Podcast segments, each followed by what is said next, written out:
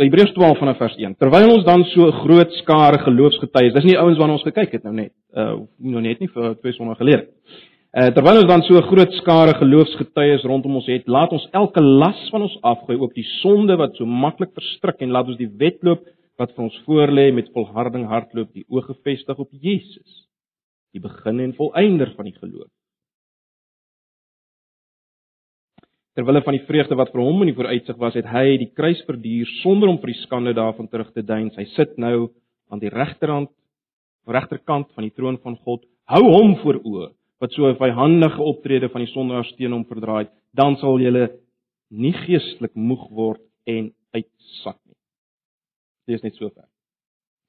Nou ja, uh, broers en susters, ek uh, verlede jaar in Engeland was, um, het die vriend by wie ek gebly het, uh, het hy net die Londen marathon klaar gemaak en uh, hy kon nie uitgepraat raak oor oor oor die skare nie. Ek meen hy was nou nie van die heel voorste ouens gewees nie en tog sê hy toe hy nou nader kom uh, aan die einde het hulle het hulle sy nommer uitgeskree en ritmies hande geklap en soos ek sê hy was nou nie sekerlik nie onder die eerste 5 of 10 of selfs 20 nie. Ehm um, maar dit was hom besonders geweest. Nou die gedeelte voor ons maak gebruik van die beeld van 'n marathon. 'n Lang afstand, maar ek dink tog moet ons dink in terme van 'n maraton. Die die beeld wat ons hier kry is die van 'n maraton en dan 'n uh, skare wat wag. So die beeld van 'n maraton wat voltooi word en 'n skare wat wag, dis wat ons kry in hierdie gedeelte. En en dis natuurlik al klaar insiggewend uh of insiggewende insig omtrent die Christelike lewe, is dit nie? Dis belangrik dat ons dit al klaar hier raak sien. Die Christelike lewe is 'n wedloop, uh meer presies is 'n maraton. Met ander woorde, die implikasie is as jy tot bekering kom as jy tot bekering gekom het, het jy nog nie die eindpunt bereik nie, jy het nog net begin. Jy het nog net begin. Baie Christene dink ek verkeer tog bewuslik of onbewuslik onder die wanindruk dat eh, dat as jy net eers die Here aangeneem het, wel, dan kan jy in 'n sekere sin nou ontspan. Dis so veilig. Ek bedoel, daar's nou nie meer die gevaar van die oordeel Jy kan ontspan. Wel, kom ons sê dit onmiddellik vir mekaar vanoggend. Die Bybel praat nooit so oor die Christelike lewe. Nooit. Die Bybel gebruik die beeld van 'n wedloop. Die Bybel gebruik die beeld van 'n geveg. Julle sal weet Paulus is lief om daarvan te praat. 'n Wedloop, 'n geveg, uh, 'n wedloop wat gehardloop moet word, 'n geveg wat geveg moet word. En natuurlik, broers en uh, susters, per implikasie sê dit vir ons weer eens 'n paar dinge van die Christelike lewe wat belangrik is, wat ons dikwels vergeet. Eerstens sê dit vir ons dat die Christelike lewe gebeur nie outomaties nie. Uh, ek dink ons het weer eens ek wil se gedagte van ag wat as ou net eers op keer gekom het, dan gaan hy man. Alles vol in plek en hy's toegewy en hy Dis nie waar nie. Hierdie beeld sê vir ons die Christelike lewe gebeur nie outomaties nie. In die tweede plek sê dit vir ons die Christelike lewe is moeilik. En per implikasie sê dit vir ons dat jy gaan moeg word in die Christelike lewe, né? Nee, ek meen, jy kan nie anders as om dit te sê. Jy gaan moeg word in die Christelike lewe. Nou as ons kyk na die wedloop waarvan die skrywer hier in Hebreërs 12 eh, vers 1 tot 3 3 praat, is daar natuurlik is daar 'n paar verskille natuurlik tussen hierdie wedloop en 'n en 'n gewone wedloop, né? Nee. 'n Normale wedloop. In die eerste plek in die Christelike wedloop is dit nie net die eerste 3 ouens wat pryse kry nie ouens wat in 'n sekere tyd die afsnypunt bereik wat goud kry. Nee. Dis 'n groot verskil. Uh verder meer in die Christelike lewe is ons nie in kompetisie met mekaar nie. Dit is miskien belangrik om dit te mekaar te sê. Ek het nou nie gedink nou daaroor en ek veel te sê nie, maar nou dat ek daaraan dink, uh, soms dink ek is is daar die geneigtheid om in kompetisie met mekaar te wees. As hierdie ou 6 ure Bybel lees, wil ek hom ook lekker wys ek kan 7 ure Bybel lees kan vroeër opstaan as hy. Ons is nie in 'n kompetisie met mekaar nie. Ons is nie in 'n kompetisie met mekaar nie. Dit gaan alles oor klaar maak in hierdie wedloop. Nee, dis belangrik. Dit gaan alles oor klaar maak. En dan is daar natuurlik ook 'n verskil in die skare. Die skare lyk 'n bietjie anders.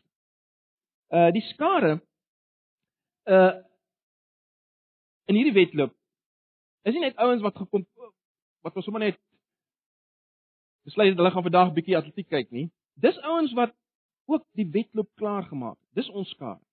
Nee, dis baie belangrik. Dis ouens wat ook die wedloop klaar gemaak het. En verskoon ek het 'n bietjie van 'n verkouetjie so water nodig. Dis die ouens waarvan hoofstuk 11 praat. Hulle het nie verdwyn nie. Hulle staan langs die baan. Dis die dis die gedagte hier, né? Nee. Terwyl ons dan so groot skare geloofsgetuies. Dis die ouens waarvan hoofstuk 11 praat. Hulle het nie verdwyn nie. Hulle staan langs die baan. Daar's Abel en daar's Henog en, en daar's Abraham en Sara 'n bietjie agtertoe en en Isak en Jakob en Moses. En as dit al fyn en George Whitfield, Bunyan. William Carey. Hulle is almal daar langs die baan. En hulle wag vir ons om die wedloop klaar te maak want hulle kan nie bewyse van spreuke die onthaal geniet as ons nie klaar gemaak.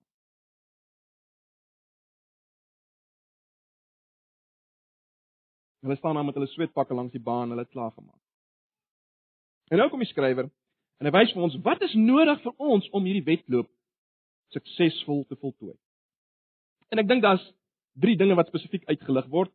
Mens kan vreeslik baie dingetjies waarskynlik hier insit en inlees, maar maar as ons net op die oppervlak kyk na wat hier gesê word, is daar drie dinge wat uitgelig word.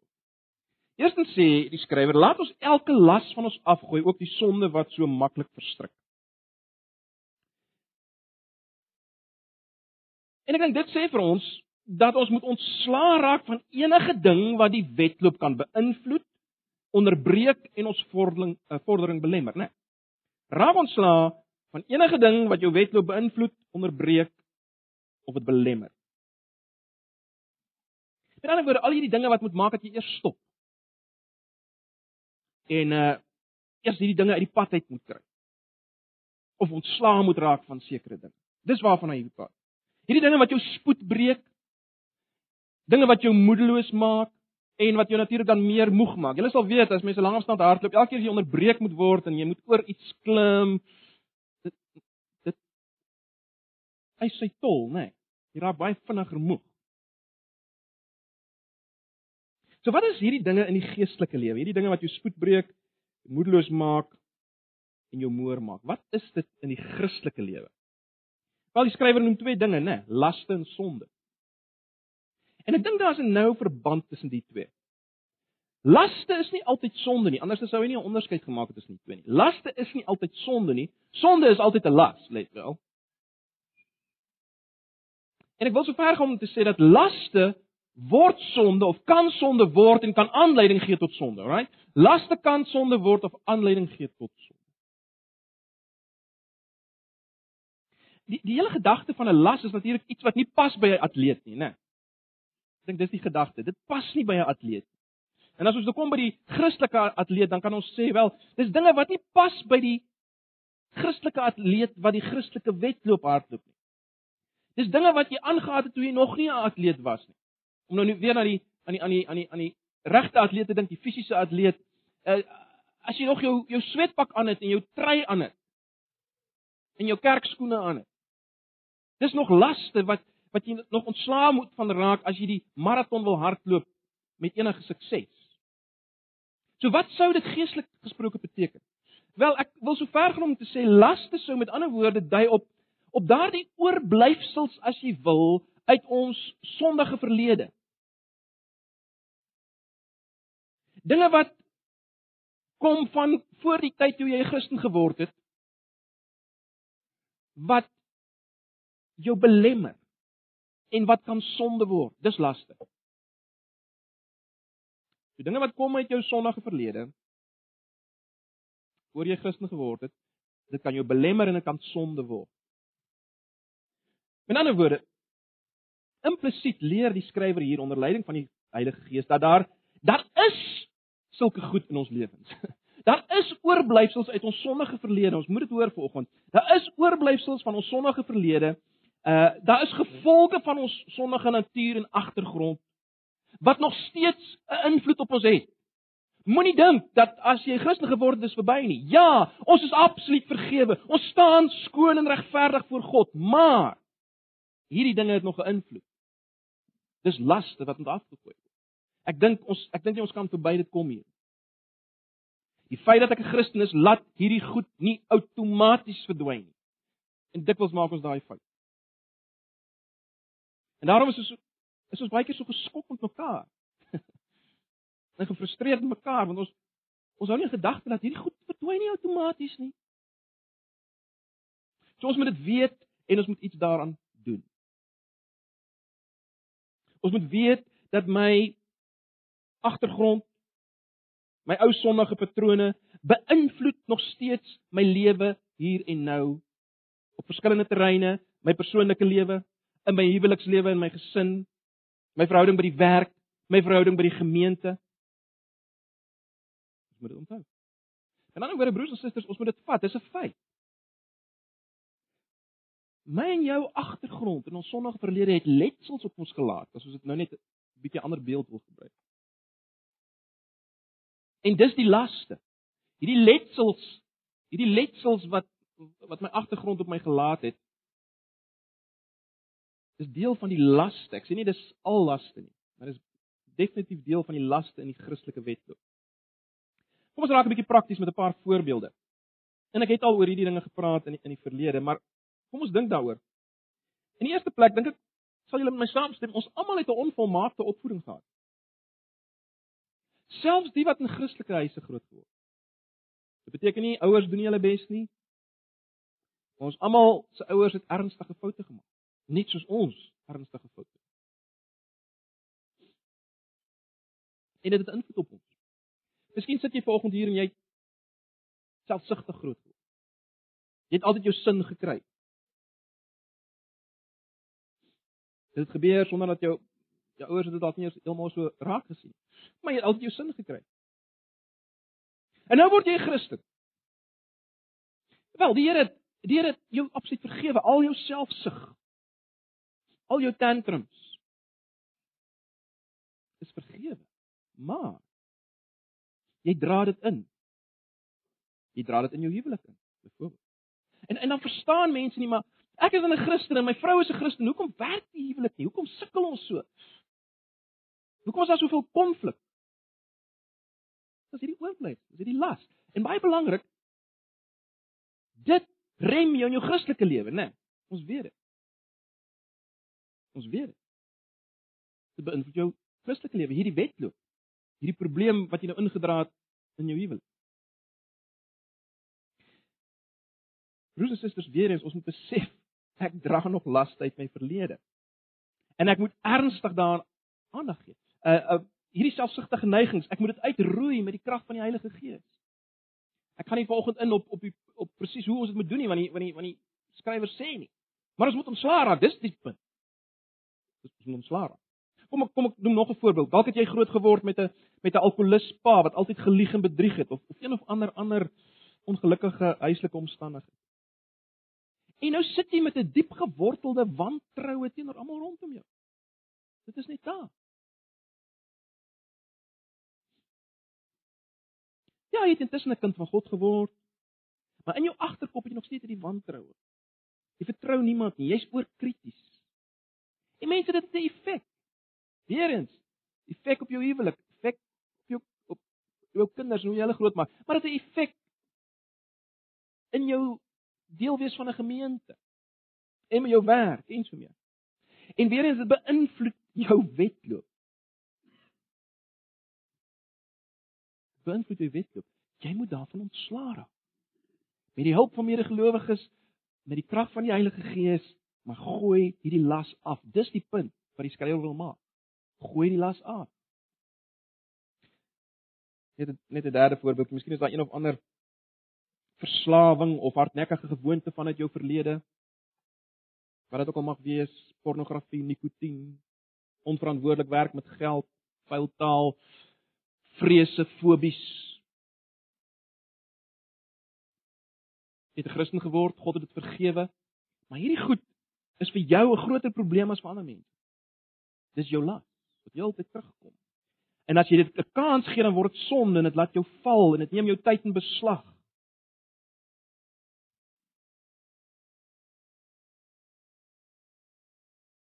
Ons weet almal wat gebeur as jy daarmee begin speel ensovoorts. Uh, Russell het met ons daaroor gepraat. 'n paar sondae gelede. So hierdie goed raak sonde veroorsaak sonde. Maar in lig van waarmee ons volgens besig is, dit beïnvloed jou wedloop. Dink net daaraan. Kom ons sê jy jy raak weer besig. Kom ons vat nou maar die voorbeeld van pornografie of of bedrog. Wat ook al as jy geneig is om om bietjie te bedrieg en so meer. Uh jy gaan skuldig voel uit die aard van die saak. Jy jy begin skuldig voel, jy skaam daaroor. Dit veroorsaak dat jy eintlik bang is om met die Here daaroor te praat en jy jy jy jy jy jy's eintlik bang vir hom en en jy kruip weg en so met ander woorde wat gebeur? Jy lees nie meer die woord nie, jy bid nie meer nie, uh, jy gaan agteruit. Uh omdat jy weet jy's besig met iets wat verkeerd is, raak jy krapperig in jou ander verhoudinge, jy's geïrriteerd, jy's ongeskik want jy weet eintlik jy's verkeerd en jy hou nie daarvan dat ander ouens op sekere dinge druk en ensovoorts nie. So jy raak krapperig ongeskik. Dit bring spanning in jou verhoudinge. Maar ten diepste broers en susters wat dit veroorsaak is dat jy jy staan, jy begin stil staan in jou wedloop. Jy begin terugval.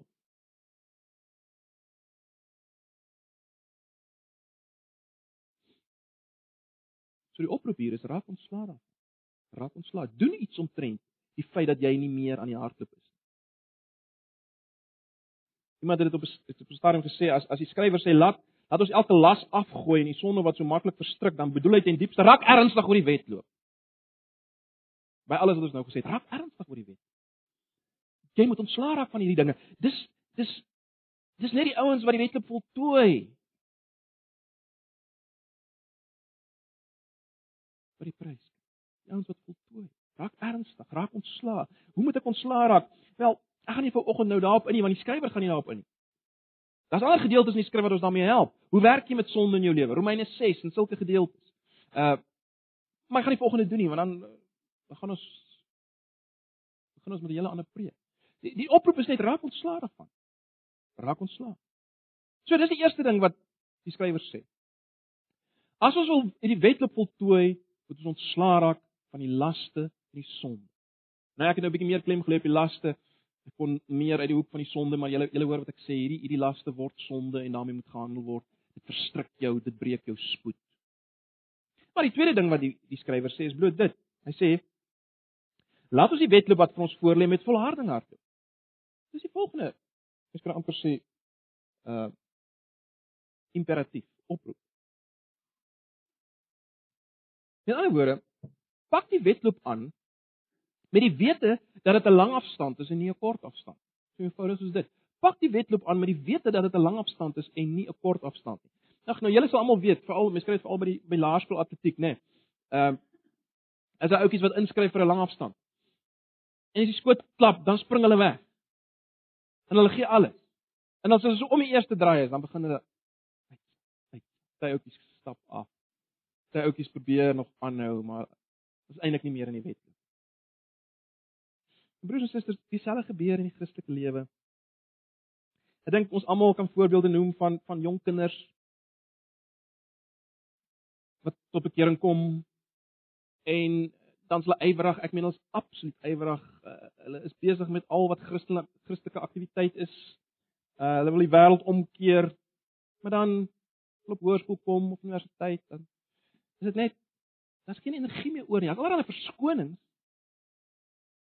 te besig en dit ag nee, weet jy ja. Jy het al altyd 'n verskoning op en dan. Maar daar's net nie meer energie nie. Hulle is soos hierdie ouetjies wat vinnig begin het, maar dit totaal teruggesak. Nou broers en susters, wat is die antwoord daarvoor? Wel ek dink al wat die skrywer hier wil sê is wel besef jy die wedloop gaan lank wees. Jy moet jy moet weet dit gaan lank wees. Dit gaan moeilik wees. Daar gaan hindernisse wees. So ek dink die logiese uitvloeisel en word nou nie eksplisiet hier gesê nie, maar maar die logiese is beplan daarvoor. Begin oefen daarvoor. Kyk, as jy weet, dit is nog net logies. As jy weet jy gaan 'n maraton hardloop, wat wat gebeur? Jy begin boeke oplees oor oor maraton. Uh beste oefenprogram, uh aanpassings in jou dieet, in jou slaappatrone. Hoe gaan jy hierdie ding aanpak? Want dis 'n jy weet dis 'n dis 'n lang wedloop, dit gaan baie van jou vra, dit gaan uitmergelend wees. Ek meen jy kan nie maar net die oggend daar opdaag en en dit begin hardloop. Nou dink iets daarvan broers en susters, iets daarvan behoort waar te wees in ons Christelike lewens. Jy gaan nie die wedloop gehardloop kry as as daar geen voorbereiding is vir hierdie langafstand wedloop nie. Dit dit dit sou beteken en ag mens kan nou baie oor praat, maar dit sou beteken begin lees. Begin jou voorberei, studeer die Bybel. Broers en susters, dit is die belangrikste ding in jou lewe, is die Christelike wedloop. Hoeveel lees jy daaroor? En hoeveel kyk jy televisie? Berei jou voor vir 'n lang afstand. Jy gaan uitsak as jy dit nie doen nie. Jy gaan nie weet hoe om te hardloop nie. Ek dink dis die voor die hand liggende hier. Besef, dis 'n lang afstand en weer eens net die wat klaar maak, kry die prys. En let wel, dis nie van selfsprekend dat jy gaan klaar maak nie. Moenie dat jou gereformeerdheid jou die troos gee, ag ek sal klaar maak nie. Die Bybel praat nie, Hebreërs praat nie so daaroor nie. Jy moet klaar maak. Jy moet hardloop tot die einde toe. Jy moet volhard. Net die wat klaar maak. So, dis die tweede ding, besef is 'n lang afstand. Dis die dis die dis die punt hier. En dan die derde punt. Hy sê, hoe moet jy hoe moet ons daar wie oog gefestig op Jesus? Die begin en volëinder van die geloof. Terwyl van die vreugde wat vir hom in die vooruitsig was, het hy die kruis verduur sonder om vir die skande daarvan terug te deins en hy sit nou aan die regterhand van die troon van God. En dan het vers 3 ook hou hom voor oë wat so vyandige optrede van die sondaars teen hom verdraai, dan sal jy nie geestelik moeg word en uitsak. So die derde ding wat hy sê as jy die wetloop wil klaarmaak is bloot dit. Kyk na Jesus in die eindstryd. Kyk na Jesus in die eindstryd. Dis nie wonderlik. Jy sien, hy stop nie net by hierdie ander goed nie. Hy sê nie net kyk, julle moet weet, dis die ouens wat dit reg gekry het, die beste reg gekry het om die laste af te gooi en die beste dit reg gekry het om voor te berei vir die lang afstand. Dis hulle wat dit maak. En onthou nou, ons het nou vlak mekaar gesê, ja ja, dis absoluut belangrik. Jy moet voorberei. Jy moet laste afgooi. Jy moet voorberei. Jy moet besef as 'n lang afstand. Maar maar nou kom die skrywer en hy hy sê iets anders. In ander woorde, is asof hy weet. En en dis die implikasie van vers 4 dink ek. As althans vers 3 as hy sê uh, dan sal jy nooit moeg word nie. Ek dink die implikasie uh, dis die implikasie daarvan dat die skrywer weet dat bo en behalwe bo en behalwe die laste en die hindernis is dit so dat ons net eenvoudig moeg en uitgeput kan raak tot op so 'n punt dat ons in 'n sekere sin net kan kyk En en en, en ek dink dis wat waarby hier aansluit. Jy sien wat hy hier sê is eintlik so eenvoudig. Mense wil amper sê jy is 'n bietjie naïef. Hy sê kyk na Jesus. Hou die oop Jesus. Die leidsman en volëinder van die geloof. Jy sien die skrywer weet daar's niks wat geloofsmoegheid so laat verdwyn soos 'n nuwe kyk na Jesus nie, 'n nuwe visie op Jesus. Daar's daar's geen beter energiedrankie as werklike kyk na Jesus nie. Nou hoe presies dit werk, weet ons nie. Nee, dit is 'n dis 'n geheimenis broers en susters. Dis 'n geheimenis. Maar is dit nie net so nie? Dat as jy begin wegkyk van jouself, van jou eie worsteling en stryd om dit te maak. As jy bietjie begin wegkyk in 'n sekere sin in jou moegheid en jy kyk na Jesus, dan ervaar jy in 'n sin hoe daar weer krag kom en energie kom. Dit beteken nie jy word verplaas na 'n sprokieswêreld nie. Die moegheid is nog daar, maar is asof jy in daardie moegheid in en deur en alles word jy gedra. En ek dink dis die dis die eienaardige hier wat die skrywer hier wil uitlig. In 'n sekere sin is die implikasie van wat hy hier sê is dat Jesus dra ons uiteindelik oor die wenstreep. En juist daarom En dis daai paradoks in die Christelike lewe nê. Juist daarom moet ons ons voete optel en begin hardloop en die laste afgooi vir die wenstreep. Jy sien dis die verskil van Jesus nê. Die die die skare van geloofstyes getuies kan ons aanmoedig op verskillende maniere. Deur hulle in in in die praktyk moedig hulle ons aan deurdat ons lees van wat hulle gedoen het en so en so meer. Uh maar hulle kan ons nie dra nie. Hulle kan ons nie dra nie. Jy sien, dis die punt. Jesus moedig ons nie net aan nie. Hy gee krag. Ek sou so ver wil gaan om te sê hy is die krag in ons bene, die stamina om uit te hou en aan te hou. Hy is dit. Dis die dis die ongelooflike van die evangelie, né? Nee. Ons weet Paulus sê op 'n stadium hy is by magte om oneindig meer te doen in vir ons wat as wat ons bid of dink selfs. Hy kan meer doen as dit waarvoor ons bid en dink. Ja, hy is 'n voorbeeld. Maar broers en susters, hy's meer as 'n voorbeeld. Jesus is meer as 'n voorbeeld. Ons moet dit vanoggend vat. Hy's meer as net 'n voorbeeld. Uh Met ander woorde, hy's nie net een wat ons na moet kyk en moet naap dit wat hy gedoen het. Ja, ons moet dit doen. Maar hy's meer as dit. Uh kyk, 'n voorbeeld kan kan baie keer vir 'n ou moedeloos maak, né? Nee.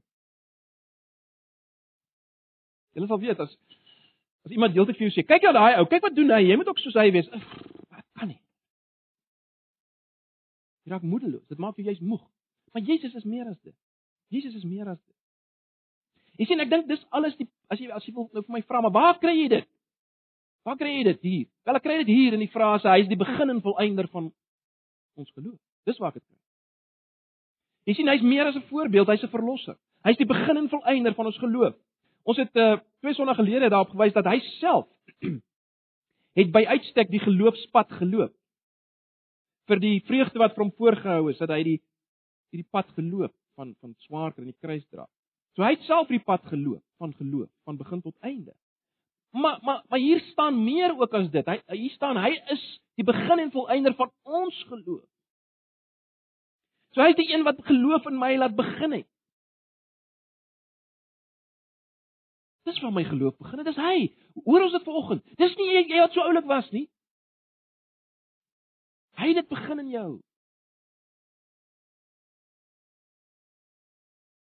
En wat hy nou hier sê is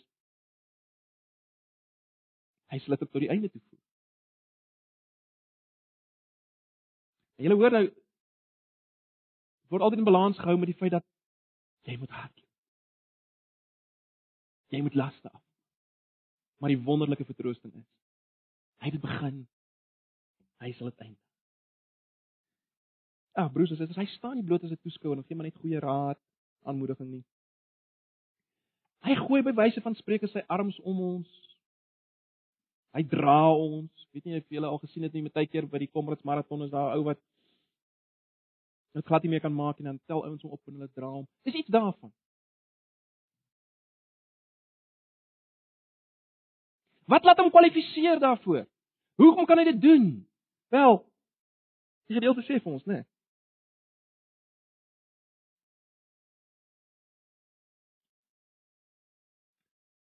Terwyl van die vreugde wat vir hom in die vooruitsig was, het hy die kruis verduur sonder om vir die skande daarvan terug te dein. Hy sit nou aan die regterhand van die troon van God. Hy het die pad geloop. Deur wat hy gedoen het, deur sy volkomme werk aan die kruis, kan hy die begin en volëinder van ons geloof wees. Kan hy die een wees wat ons optel? Dis die geweldige wat hier staan. En nou sê die skrywer, hou hom voor oë. Hou hom voor oë. In vers 3. sien in jou geestesoog by wyse van spreek. sien in jou geestesoog die gekruisigde. Ja, sien dit. Maar sien ook die prentjie van die triomferende. As jy voel jy kan nie meer nie. Jy kan net nie meer nie. sien hom, die gekruisigde, maar die triomferende. Dis dis wat die skrywer sê. Hou die oop Jesus. En weet, hy ken hierdie pad wat wat jy hardloop. Hierdie maraton. Hy ken dit. Hy het dit self gehardloop. Hy verstaan al die moeg word. Hy verstaan al die frustrasies. Hy verstaan dit. Hy het medelee. En hy en hy alleen kan help. Dis dis geweldig. Hy sal jou dra. Hy kan dit doen. Hy is die verlosser. Ag broers en susters, wat 'n wonderlike vertroosting. En die geweldige waarheid wat ons almal weet is dit as as ons ons oë begin hou op Jesus, is dit nie so nie dan verloor versoeking sy krag. Daar's daar's so 'n frase wat sê, nê. Nee, Temptation loses its power when you are near something something like that. Dit is so. As jy oë hou op Jesus en jy raak besig met hom dan dan is baie moeilik om te val vir 'n versoeking as jy die oë hou op Jesus. So dis dis nog 'n voordeel van die hou die oë op Jesus. Ek sluit af met net 'n paar meer praktiese opmerkings miskien. Hoe doen ons? Hoe hou ons die oë op Jesus? Prakties. Wel, broers en susters, ek dink ons kan nie daarvan wegkom as om te sê beoefen die geestelike dissiplines nie. Die basiese dinge. Maar dis hierdie basiese dinge waar ons dikwels maar net weer val, né? Tyd te spandeer met die woord. Gebed en meditering oor Jesus, die bedinking van Jesus. Hoeveel tyd spandeer ons om net te dink aan Jesus, om hom voor oë te hou? Daar was tye in die geskiedenis dat ouens baie meer gedoen het. En ek dink hulle het baie beter die wedloop gehad as ons. Ons is net gemaksigtig, ons het nie tyd nie.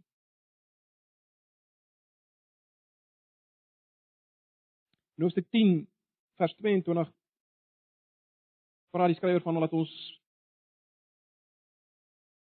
praat van gebed, nê, nee, om na die troon te gaan, die troon van genade. Hy praat op meer as een plek in Hebreërs daarvan. Om na die troon van genade moet gaan.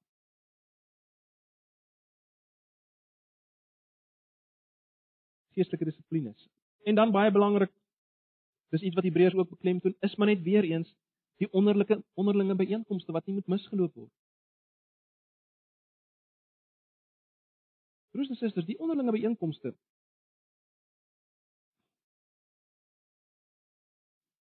jy benadeel jouself as jy nie hier is. Want dis waar jy weer bemoedig word. Dis waar jy weer gehelp word om te kyk na Jesus. Dis waar jy gehelp word om ontslae te raak van van van van laste. Waar jy berus, bewus raak van laste wat sonde geword het en so meer. Dis hier wat dit gebeur. Dis hoe die Here dit, dit wil hê. En daarom is dit belangrik. Dis nie 'n wet nie. Ons hou nie boek daarvan nie, maar broers en susters, as jy die wedloop wil hardloop, dan moet jy weet daar waar die ander medegelowiges is. Want anders sê jy, anders sê jy dis nie belangrik om wedloop te hardloop. Of jy sê ek kan dit self doen. Jy kan nie.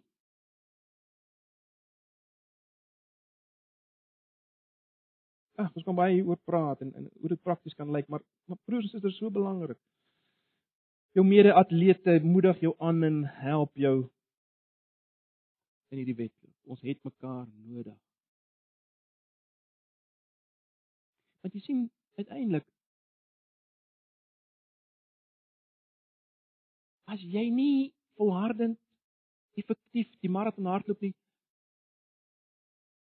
gaan jy ook nie kan begin om om om uit te reik nie, nê? Uit te beweeg oor die grense en besig te wees met met met die groot opdrag. Jy kan nie as jy as jy net heeltyd sukkel om net aan die gang te bly. Daarom is dit so belangrik dat jy hulp sal kry in die wet. Hierdie goed gaan hand aan hand. Maar kom ons sluit af. Wat is maar net vanoggend vir mekaar moet sê ons is deel van hierdie maraton. Daar's baie wat voor ons gehardloop het en klaar gemaak het. Hulle is daar, hulle wag vir ons. Broers en susters, wat na die wedloop gaan kom is meer as wat ons gaan vandag dink. Gaan heerlik wees, ongelooflik, ewig in teenwoordigheid van die Here. Heerlikheid tot in alle ewigheid. Dis wat wag na die wedloop. Jy moet te werk om alles in te sit vir die wedloop. So as net twee vrae wat ek volgens wil vra. Punt nommer 1 As gelowige is jy nog besig om te hardloop? Is jy nog besig om te hardloop? Of sit jy langs die baan, lê? Is jy nog besig om te hardloop? Antwoord die vraag vir jouself. Is ek nog regtig besig om te hardloop? Jy sal weet. Jy sal weet. Jy sal jy sal weet. Kyk, jy kan almal bluf hier, né? Jy sal weet of jy regtig nog besig is om die wet te doen. Dis die eerste vraag. Dan 'n tweede vraag. Wil ek maar net vra, Het jy al begin haar? Dalk is jy vanoggend iemand wat nog nooit begin haar het. Jy weet eintlik waarvan ek praat. As jy nog nie begin haar nie. Die uitdaging vanoggend is vir jou is begin. En hoe begin jy? Wel, gaan na die een wat die begin en volëinder van die wedloop is, Jesus. Vlug na hom. Vlug. Gaan na hom. Kyk na hom. Omhels hom. Draai weg. Want dit waarmee jy besig is kyk na hom. Vertrou op hom alleen. begin die wedloop. Broers en susters, ons gaan volgende nagmaal gebruik. En ek wil vra dat as jy aan Jesus behoort, as jy in die wedloop is, gebruik die nagmaal. Want dis uit genade uit wat die Here vir ons gee. Die uh, Jesus kom en hy stel hom nagmaal in juis om ons krag te gee vir hierdie wedloop. Hy weet dat ons ons ons sukkel nogal met hierdie kyk na Jesus. En al wat hy al wat hy doen is hy gee hierdie teken en hy sê so seker as julle hierdie goed sien, so seker is dit wat ek gedoen het. So seker is dit die begin en die volëinde. sien dit. Ek wil hê julle moet vanoggend dit sien. Kyk hierna. Dit is maar sommer ons wat besluit het dis 'n goeie idee om broodjies en wyn. Dis deur die Here Jesus ingestel om ons te versterk in ons wedloop. Kyk daarna. Ryk dit, sien dit, proe dit en word versterk in jou wedloop. Die Here gee dit vanoggend vir ons en my gebed is dat hy dit sal doen deur sy Gees. Kom ons bid saam en dan gaan ons die nagmaal saam spreek. Ag Here, baie dankie vir u woord. Here Jesus, dankie vir u self, die begin en volëinder van ons geloof.